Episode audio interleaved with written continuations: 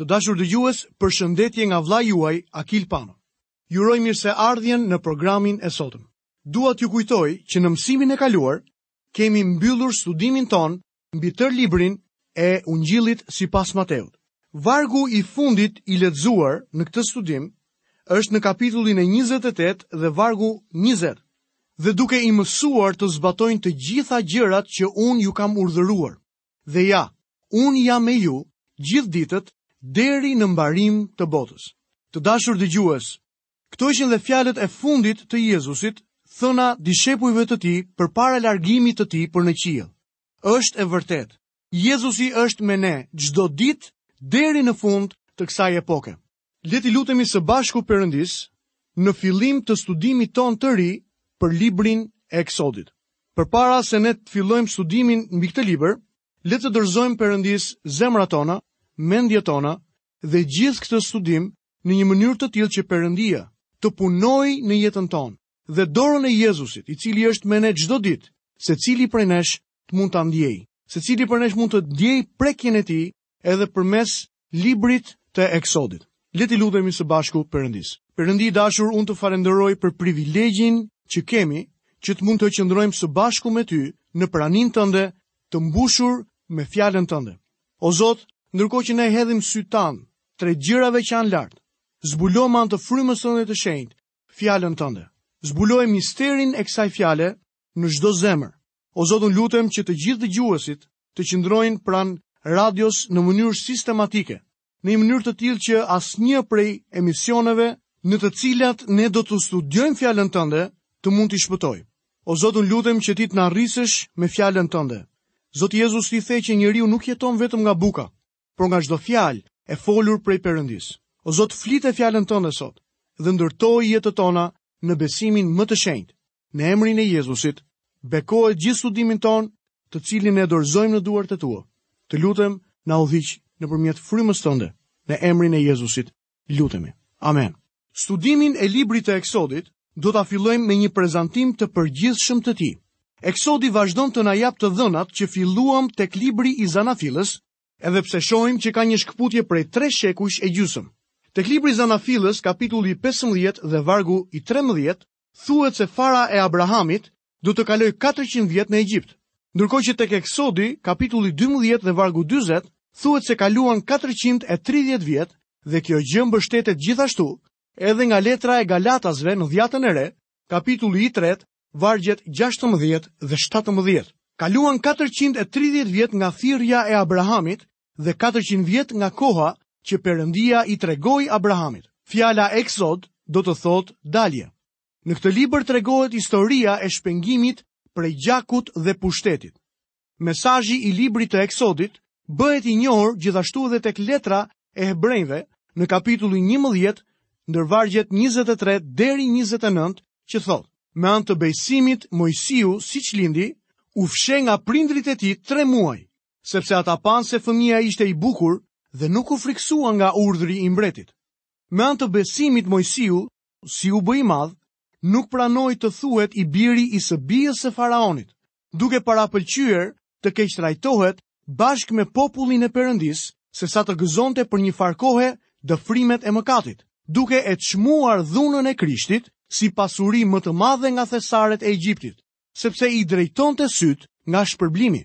Me anë të besimit, e la Egjiptin pa pasur frikë mërinë e mbretit, sepse qëndroi i patundur sikur të shihte të padukshmin. Me anë të besimit, kremtoi Pashkën dhe bëri spërkatjen e gjakut, me qëllim që ai, i cili i vriste të paralindurit, të mos ngiste ata të Izraelit. Me anë të besimit, kaluan nëpër Detin e Kuq, si të ishte tokë e thatë. ndërsa kur egjiptasit u përpoqën ta bëjnë, u mbytën. Fjala me të cilën hapet Eksodi është një lidhëz që përkthehet më mirë dhe se sa tani. Eksodi ndryshe mund të quhet vazhdimësia e zanafillës. Doktor Morgani shkruante, në librin e Eksodit asgjë nuk fillon dhe nuk mbaron ndonjë gjë. Zanafilla në kapitullin e 46 dhe vargun e 27 të saj, na tregon se në kohën kur Jozefi ishte kryeadministrator i faraonit në Egjipt, hynë 70 vetë të gjithë nga familja e Jakobit. Në mënyrën konservative, është vlerësuar se nga Egjipti në kohën e eksodit u larguan 2 milion e 100 mijë njerëz. Edhe pse është e pamundur të jesh i sigurt për data, në këtë kohë kaq të hershme, Duket se Jozefi shkoi në Egjipt në kohën e Hyksos, ose të mbretërve bari, të cilët ishin pushtues semitë dhe kishin lidhje me Abrahamin, Isakun dhe Jakobin. Në të vërtetë izraelitët mund të kenë qenë miqtë e tyre të vetëm, përderisa egjiptianët i urrenin. Së fundi, ata u dëbuan nga një dinasti vendase, e cila kuptohet që mbante qëndrim armiqësor ndaj të huajve. Faraoni i shtypjes dhe që nuk e njihte Jozefin, i përkiste pikërisht kësaj pasardhje. Mojsiu është figura kryesore e librit të Eksodit. Ai është autori i pesë librave të parë të dhjatës së vjetër zanafillës, Eksodit, Levitikut, Numrave dhe Ligjit të Përtërirë. Në librin e Eksodit, jeta e Mojsiut është ndarë në tre periudha 40 vjeçare. E para, 40 vjet në pallatin e faraonit në Egjipt. Periudha e dytë, është 40 vjet në shkretëtirën në Midian dhe periudha e tretë 40 vjet në shkretëtirë si udhëheqës i Izraelit. Trajnimi i Mojsiut në Egjipt në tempullin e diellit nuk e përgatiti atë të ndiqte Perëndinë për të udhëhequr Izraelin që të largohej nga Egjipti. Perëndia e stërviti atë 40 vjet në shkretëtirë për t'i treguar se nuk mund ta çlironte vetëm Izraelin. Perëndia pasi e përgatiti për të çliruar popullin e tij, e dërgoi Mojsiun përsëri pas 40 vjetësh në Egjipt. Mojsiut i duhet të mbledhë pleqtë e Izraelit dhe të shkojë tek faraoni. Do të shohim se faraoni nuk do ta pranojë ta lërë Izraelin të largohet. Mospranimi i faraonit do të hapë luftën midis Perëndisë dhe perëndive të Egjiptit. Në atë kohë në Egjipt mbizotëronte idhujtaria. Kishte me mijëra tempuj dhe me miliona idhuj. Pas idhujtarisë në Egjipt qëndronte sigurisht Satanai. Do të shohim se magjistarët e Egjiptit vepronin nën fuqinë satanike. dhe sikurse Janesi dhe Jambersi i kundërshtuan Mojsiut, po kështu edhe këta i kundërvihen së vërtetës, janë njerëz mendjeprishur të neveritshëm në çështjen e besimit. Thotë Pali në letrën e tij të dytë drejtuar Timoteut, kapitullin e tretë dhe vargun e tetë. Kur Mojsiu i tha faraonit se Zoti i kishte thënë që t'i linte izraelitët të shkonin, Faraoni pyeti, Kush është Zoti që unë duhet t'i bindem zërit të tij dhe ta lë Izraelin të shkojë? Unë nuk e njoh Zotin dhe nuk kam për ta lënë Izraelin të shkojë. Në këtë mënyrë, Perëndia iu vetëprezantua Faraonit. Ndërsa Zoti do të bëjë mrekulli pas mrekullie, do të shohim se Faraoni do ta njohë dhe e pranojë Zotin si Perëndi. Ajo çfarë është dokumentuar tek libri i Eksodit në kapitullin e nëntë dhe vargu i njëzet e shtatë, le ta lexojmë. Atëherë faraoni dërgoi dhe thirri Mojsiun dhe Araonin dhe u tha atyre, Këtë herë unë mëkatova. Zoti është i drejtë, ndërsa unë dhe populli im jemi të këqij. Atëherë faraoni thirri me nxitim Mojsiun dhe Aronin dhe u tha, Unë kam mëkatuar kundër Zotit, Perëndisë tuaj dhe kundër jush. Nga ky episod ngrihet një pyetje. Përse Zoti duhej të dërgonte gjithë ato plagë në Egjipt? Përgjigjja është, plagët ishin beteja e Perëndisë me perënditë e Egjiptit. Çdo plagë drejtohej kundër një perëndie të veçantë në Egjipt. Shikoni se çfarë thuhet tek Eksodi kapitulli 12 dhe vargu i 12. Atë natë, unë do të kaloj nëpër vendin e Egjiptit dhe do të godas çdo të paralindur në vendin e Egjiptit, qoftë njeri apo kafshë, dhe do t'i jap hakun gjithë perëndive të Egjiptit. Unë jam Zoti. Në këtë mënyrë Perëndia kërkonte t'i zbulonte popullit të tij se ai, Zoti, ishte shumë më i madh se çdo perëndi në Egjipt dhe se kishte fuqi t'i çlironte. Tema e kapitullit të parë të librit të Eksodit është Izraeli në Egjipt, heroizmi i dy grave. Vargjet e para të librit të Eksodit bëjnë lidhjen e tij me të dhënat që pamë gjatë studimit të librit të Zanafillës. Të parët janë radhitur ata që erdhën në Egjipt dhe më pas flitet pak për vitet e ndërmjetme. Ndërkohë që Eksodi, kapitulli i parë dhe vargu i 7, vazhdon të dhënat e Zanafillës. Vargu kyç në këtë libër është Eksodi kapitulli i 20 dhe vargu i 2, që thotë: Unë jam Zoti, Perëndia yt që të nxori nga vendi i Egjiptit, nga shtëpia e skllavërisë. Por le të fillojmë studimin e kapitullit të parë, varg për varg. Do të lexojmë nga kapitulli i parë, vargjet 1 deri në vargun e 6. Këta janë emrat e bijve të Izraelit që erdhën në Egjipt me Jakobin. Secili prej tyre erdhi me familjen e tij. Rubeni, Simeoni, Levi dhe Juda, Isakari, Zabuloni dhe Beniamini, Dani dhe Naftali, Gadi dhe Asheri. Tërë njerëzit që kishin dalë nga gjaku i Jakobit arrinin 70 veta. Jozefi ndodhej tashmë në Egjipt. Pastaj Jozefi vdiq dhe po ashtu vdiqën tërë vëllezërit e tij dhe gjithë ai brez. Eksodi është vazhdim i librit të Zanafillës që ne studiuam në tre muajt e parë të programeve tona. Zanafilla u mbyll me vdekjen e Jozefit, ndërkohë që Eksodi kapitulli i parë dhe vargu 6 na tregon se Jozefi, të gjithë vëllezërit e tij dhe gjithë brezi i tyre vdiqën. Kanë kaluar tashmë 3 shekuj e gjysmë. Te kapitulli dyzet e gjashtë i Zanafillës, Perëndia tha se Izraeli do të rritej dhe do të shumëfishohej dhe do të bëhej një komb i madh në tokën e Egjiptit. Kjo profeci në të vërtetë është plotësuar. Le të lexojmë së bashku vargun e 7 të kapitullit të parë të librit të Eksodit.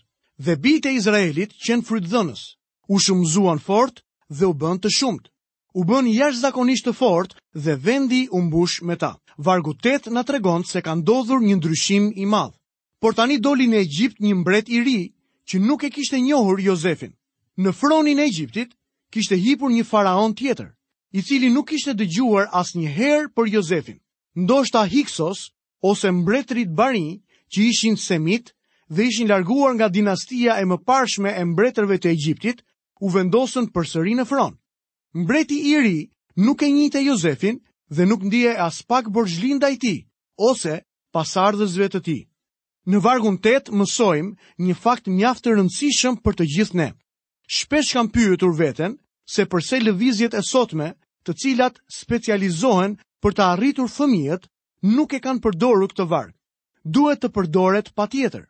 Çdo brez ka një përgjegjësi të vazhdueshme për t'ia mësuar fjalën e Perëndisë brezit pasardhës. Nëse e lëmë pas dore mësimdhënien e Biblës, do të vijë koha shpejt kur ajo do të harrohet fare. Një përfaqësues i Coca-Colës në Teksas më tha një herë se një përqindje e caktuar e çdo shisheje përdoret për reklamim. U talla me të. Për mua ishte absurde të vazhdoje të reklamoje një produkt të tillë kaq shumë të njohur nga i madhi deri tek më i vogli. Më pas i tregova se si disa kohë më parë në një qytet të vogël në Teksas kisha parë 13 reklama të Coca-Colës. Sinqerisht mendova se po e tepronin. Por a e dini se si m'u përgjigj bashkëbiseduesi im? Më vjen keq që të ta them zotëri, por kësaj here e ke gabim. Më pas më pyeti, kur ke parë për herë të fundit një kanaçe me kafen të quajtur Arbuckle? I tregova se kur isha fëmijë ajo ishte shumë e njohur, por kohët e fundit nuk kisha parë ndonjë. Ata mendonin, u përgjigj ai, se nuk kishin nevojë të bënin reklamë. Ja pse sot janë zhdukur fare nga tregu dhe nuk i njeh njeri. E njëjta gjë është e vlefshme edhe për ne sot. Reklamimi nuk është kurrë i mjaftueshëm. Le t'i kthehemi historisë sonë. Në këtë pjesë të shkrimit, shohim se në Egjipt erdhi një faraon që nuk e njihte fare Jozefin. Ai as e kishte parë dhe as kishte dëgjuar ndonjëherë për personin që i shpëtoi jetën kombit të tij, njëri nga personalitetet më të rëndësishme të historisë së Egjiptit.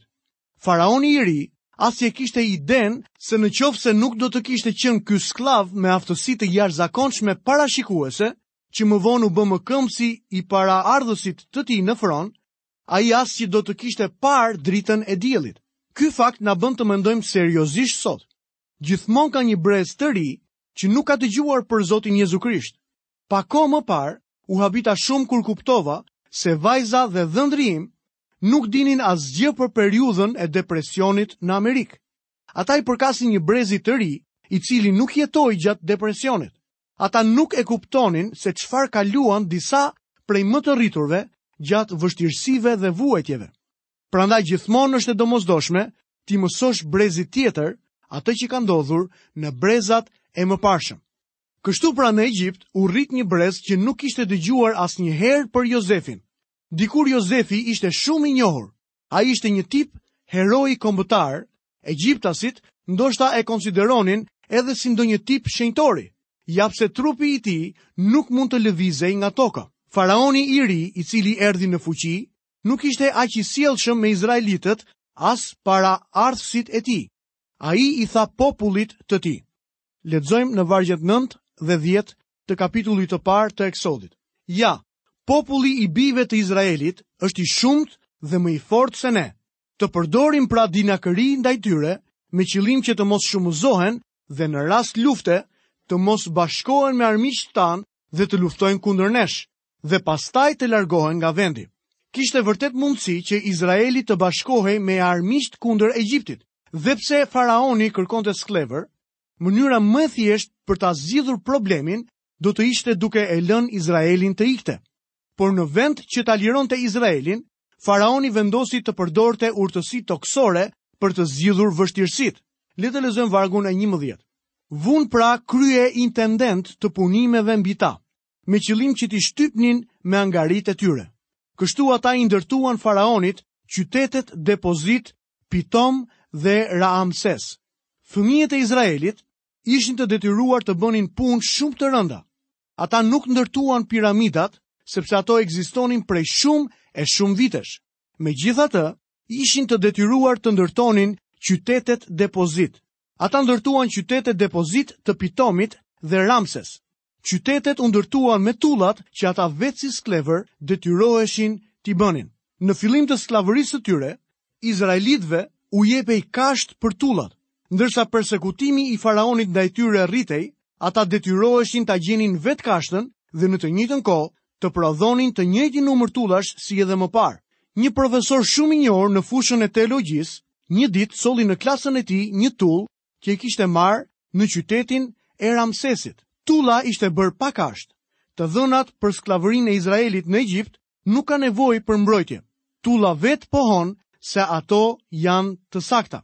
Nuk ka dyshim se izraelitët ishin në një pozitë mjaft të vështirë në Egjipt. Egjiptasit po ua bënin jetën gjithnjë e më të vështirë. Le të shohim vargun e 12. Por sa më tepër i shtypnin, aq më shumë shtoheshin dhe përhapeshin. Prandaj egjiptasit arritën të kenë shumë frikë nga bijtë e Izraelit. Perëndia i tha Abrahamit se Izraeli do të kalonte kohë të vështira në Egjipt. Tek Zanafilla kapitulli 15 dhe vargu i 13 na thuhet: Dhe Zoti i tha Abrahamit: Dije me siguri që pasardhësit e tu do të qëndrojnë si të huaj në një vend që nuk do të jetë i tyre, dhe do të jenë skllevër dhe njerëz të shtypur për 400 vjet. Në këtë varg parashikohen tre gjëra. E para, izraelitët do të ishin të huaj në një vend të huaj. E dyta, do të ishin shërbëtorë, domethënë skllevër. Dhe e treta, do të ishin të shtypur. Të gjitha këto parashikime ishin realizuar në vargjet e para të kapitullit të parë të Eksodit, Por çuditërisht, izraelitët, sa më shumë që i shtypnin, aq më shumë shtoheshin dhe përhapeshin. Le të lexojmë vargjet 13 deri 15. Dhe egjiptasit i detyruan bijtë e Izraelit t'u shërbenin me ashpërsi dhe ua nxinë jetën me një skllavëri të vrazhdë, duke i futur në punimin e argjilës dhe të tullave, si edhe në çdo lloj pune në ara. I detyronin t'i bënin tërë këto punë me ashpërsi. mbreti i Egjiptit u foli dhe mamive hebre, nga të cilat njëra quhej Shifra dhe tjetra Pua. Egjiptianët jo vetëm që i bënë izraelitët skllevër, por edhe filluan t'i keqtrajtonin rregullisht. Megjithatë, bekimi i Perëndisë qëndronte mbi ta në çdo kohë dhe numri i tyre u rrit shumë. Mbreti vuri re rritjen e shpejtë të kombit skllav dhe kërkoi të takonte mamitë e hebrenjve në përpjekje për t'i dhënë zgjidhje problemit. Është me interes të vëresh kuptimin e emrave të këtyre dy grave. Shifra do të thotë bukuri, Pua do të thotë shkëlqim. A keni vënë re ndonjëherë pamjen e siluetave të grave egjiptase? Bukuria dhe shkëlqimi ishin karakteristike për gratë egjiptiane. Me sa duket, këto gra kishin pozita të larta zyrtare në Egjipt dhe kishin nën varësinë e tyre gjithë mamitë e vendit. Le të lexojmë vargun e 16. Dhe u tha, kur do të ndihmoni gratë hebre lindëse dhe do t'i shihni të ulura në ndenjësen e lindjes, në rast se fëmija është mashkull, vriteni, po të jetë femër, Lëreni të jetojë. Kjo është një përpjekje tjetër e Satanit për të shkatërruar pasardhjen që të çon tek Zoti Jezu Krisht. Përpjekjet e Satanit për t'i dhënë fund pasardhjes që të çon tek Krishti tregohen nëpër Bibël që nga Dhjata e Vjetër deri në Dhjatën e Re. Janë bërë shumë përpjekje për të shkatërruar hebrenjtë dhe është me interes të vëresh mënyrën se si antisemitizmi është përhapur sot në të gjithë botën. Ajo vjen prej Satanit, prandaj asnjë fëmijë i Perëndisë nuk duhet të marrë pjesë në të. Ata që i persekutojnë hebrenjtë në përgjithësi janë njerëz që nuk e njohin Perëndinë. Pa dyshim që dikush po mendon, po, por gjatë epokave të errëta, kisha u përfshi në antisemitizëm. Kjo është e vërtetë, por ishte epoka e errët dhe kisha ishte larg fjalës së Perëndisë. e përfshirë në çështje jofetare. Për mendimin tim, asnjë nuk mund të studiojë fjalën e Perëndisë dhe të bëhet antisemitist. Ndërsa Satani përpiqej të hiqte qafe fëmijët izraelitë, duke përdorur këtë herë faraonin, Perëndia ndërhyri me fuqinë e tij. Mamitë patën frikë nga Perëndia dhe nuk bënë ashtu siç i kishte urdhëruar mbreti i Egjiptit, por i lanë gjallë fëmijët meshkuj. Atëherë mbreti i Egjiptit thirri mamitë dhe u tha: Pse e bëtë këtë dhe i latë gjallë fëmijët meshkuj? Le të lexojmë vargjet 17 deri 20. Mamitë iu përgjigjën faraonit, sepse gratë hebreje nuk janë si gratë egjiptase, por janë të fuqishme dhe lindin para se t'u vijë mamia pranë. Dhe Perëndia u bëri të mirë këtyre mamive dhe populli u shtua dhe u bë jashtëzakonisht i fortë. Kjo përpjekje për të shkatërruar të gjithë fëmijët meshkuj hebrenj ishte një manovër politike që nuk eci. Lexojmë vargun e 21. Kështu duke qenë se ato mami kishin frikë nga Perëndia, ky u dha familje më vete. Këto gra duhet të zgjidhnin nëse do t'i bindeshin faraonit apo Perëndisë. Ato kishin mësuar të kishin frikë nga Perëndia. Perëndia e pa bindjen e tyre dhe e vlerësoi shumë. Ai u dha Shifrahut dhe Puahut si emër, ashtu edhe vend në Izrael dhe ato respektoheshin shumë nga të gjithë. Lexojmë vargun e 22.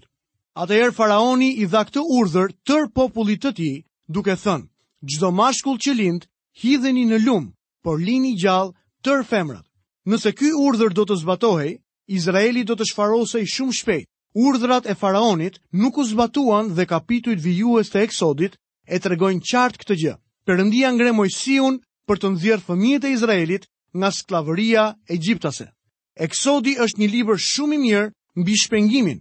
Ai zbulon në formën e një tabloje se si Perëndia na çliron sot nga mëkati, bota, mishi dhe djalli. Tani do të flasim për Moisiun, çlirimtarin.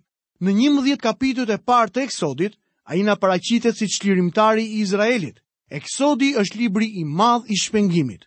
Në këtë libër nuk ka filluar dhe mbaruar asgjë. Ai është thjesht vazhdimi i historisë që filloi tek Zanafilla dhe vazhdon në librat e Levitikut dhe Numrave. Të dashur dëgjues, këtu kemi mbërritur dhe në fundin e emisionit të sotëm, që është dhe programi i parë i studimit tonë mbi librin e Eksodit. Bashkë mirë u dëgjofshim në emisionin e ardhshëm.